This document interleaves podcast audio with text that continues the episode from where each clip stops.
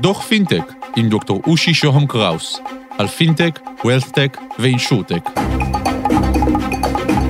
דוח מספר 77 על פינטק בסין. שלום, כאן דוקטור אושי שוהם קראוס, ברוכים הבאים לדוח פינטק, אנחנו קצרים ודחוסים, אין לאף אחד מאיתנו עודף זמן. והיום בדוח, על שוקי הון, מטבעות דיגיטליים, רגולציה והכל בסין. אמיר גלאור, יושב ראש קבוצת אינפיניטי, נשיא לשכת המסחר הישראלית בסין, שלום ותודה שאתה איתנו. בוקר טוב, שלום וברכה, בשמחה. אמיר, אנחנו מכירים את סין מהמהפכה התעשייתית שלה, אחר כך ממהפכת החדשנות, איפה סין נמצאת עכשיו? האמת היא זה נושא מרתק, מפני שסין אה, בעצם התבגרה בכל נושא החדשנות, היום היא כבר לא במהפכה, היא פשוט אחד מהגורמים המובילים בעולם בתחום החדשנות, זה נהפך להיות uh, מה שנקרא normal course of business, בכל מקום אנחנו רואים חדשנות סינית בצורה כזו או אחרת. ולכן בעצם המהפכה הזאת שקדמה לה נניח המהפכה התעשייתית, ולפני זה כמובן מהפכת התרבות, אנחנו עכשיו נכנסים למהפכה חדשה, אה, שאני קורא לה המהפכה הפיננסית. היא נגזרת באמת מאלמנטים שקשורים למטבע, לשוקי ההון וכו', ומהפכה שתלווה אותנו ב-20 שנה הקרובות לפחות. אתה יכול אה, לספר על ההשלכות של זה, מה גורם לזה, אולי באמת נתחיל במה הגורמים למהפכה הזאת ומה היא אומרת בעצם, מה קורה שם.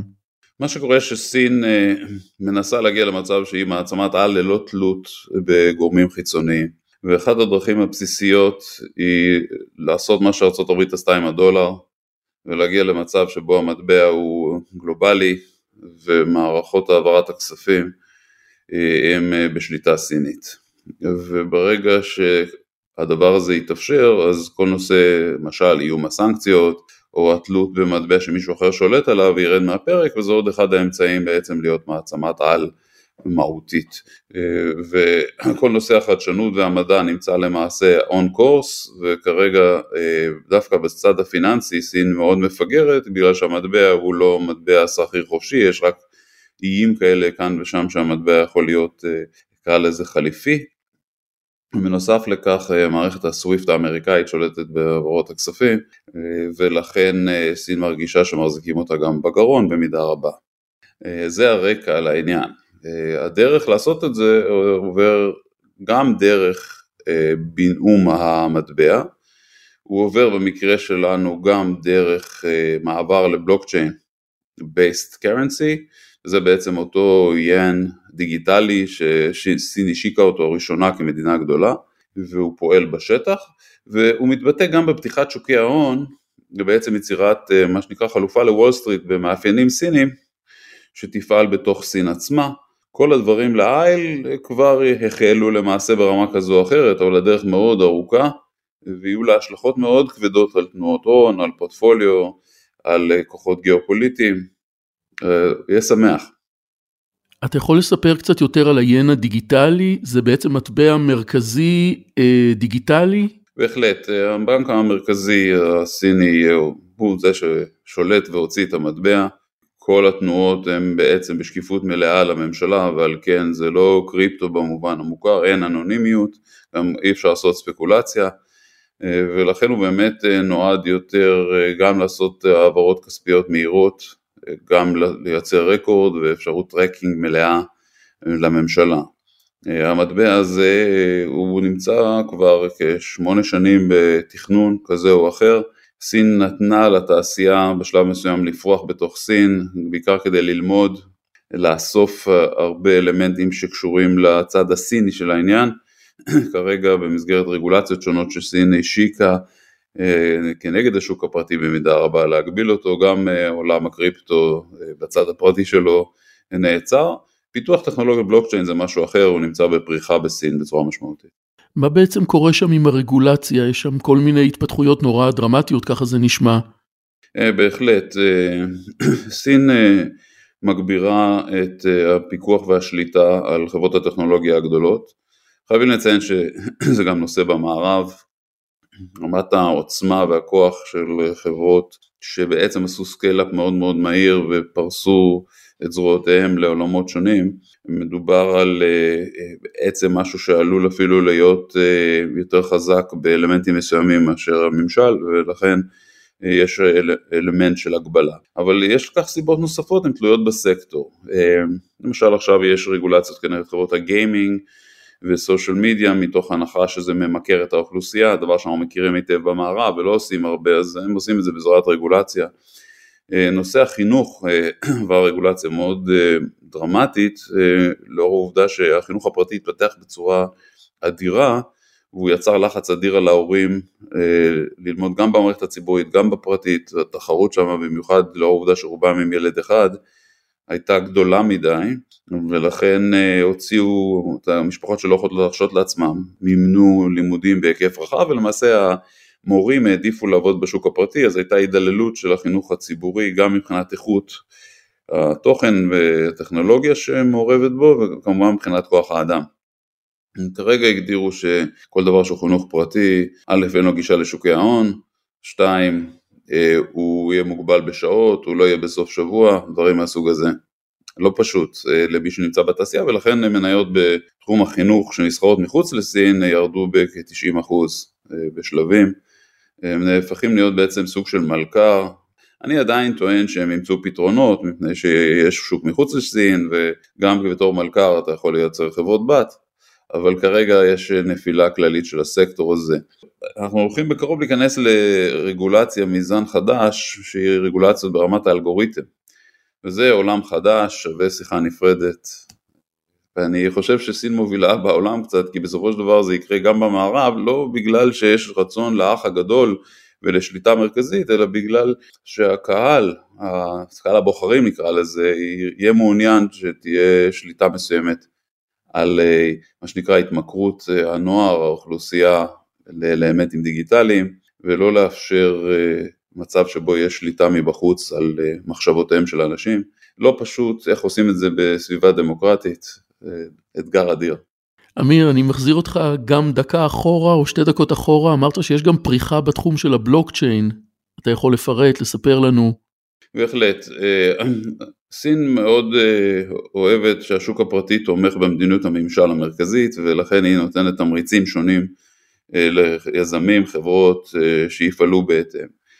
כיוון שהמטרה בסופו של דבר שהמטבע הסיני הדיגיטלי יהיה מטבע גם גלובלי וגם בשימוש נרחב של השוק הפרטי, יש צורך בלערב טכנולוגיות ומודלים עסקיים שיתחברו בעצם למערכת הממשלתית תחת אישור שלה. ולכן אה, אנחנו אה, רואים כבר לא מעט יוזמות שלקחו מה שלמדו בשנים האחרונות ומתאימים את זה עכשיו למערכת הבנק המרכזי. ואנחנו נראה באמת אה, גם מערכות מסחר מסוגים שונים, אני חושב שגם מערכות ניהול דאטה על בסיס הבלוקצ'יין יתחילו מודלים עסקיים שהם מודלים של e-commerce בעצם. הדמיון הוא באמת אפשרי בעולם הזה תחת מגבלה מאוד ברורה שאם אתה לא תפעל בהתאם למדיניות הממשל כנראה שרגולציה או ענישה תחול עליך. אמיר, סין ב-10-20 שנה הקרובות, איך אתה רואה את ההתפתחות שלה? סין אה, חותרת להיות מעצמת על ויש לכך הרבה מאוד השלכות, אה, גם אה, גיאוגרפיות, יש הרבה מאוד התפתחות נקרא לזה צבאית ודיגיטלית באזור, נקרא לזה ים סין הדרומי, שזה אזור שיושב באזור פיליפינים, מלזיה, וייטנאם, בוודאי כל מה שקשור לאזור הזה של יפן, טיוואן, שבעצם סין רואה אותה כחלק ממנה, והיא מנסה להשפיע יותר ויותר על כל התפתחות באזור הזה. לצד הלחץ האמריקאי שהוא לוחץ אותה מסביב מכיוונים שונים על ידי מדינות שונות. הדבר הזה צפוי ללוות אותנו בשנים הקרובות. מה שברור שיקרה זה שסין תהפוך להיות יותר תחרותית במוצרים, בעולמות, למשל כל נושא של הרכב חשמלי, רכב אוטונומי, עולם המוביליטי, יש עליו דגש מאוד גבוה, מערכות בינה מלאכותית, תשתיות דיגיטליות למיניהם, יהיו בין המובילים או בין המובילים בעולם. אה, לאור הפוקוס בעניין.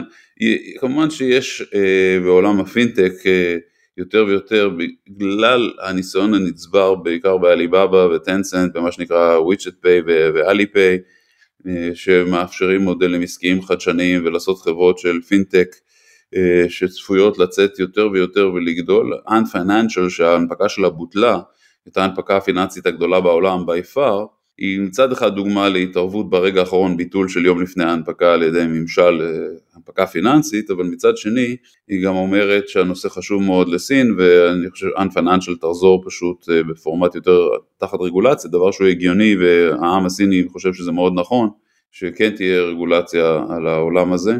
ואני חושב ש-Ant Financial תחזור, ויהיו הרבה עוד חברות בעולם הפינטק ב-20 שנה הקרובות. אה, מה שאני מאוד מציע לאנשים זה גם לשים לב לשוק ההון הסיני.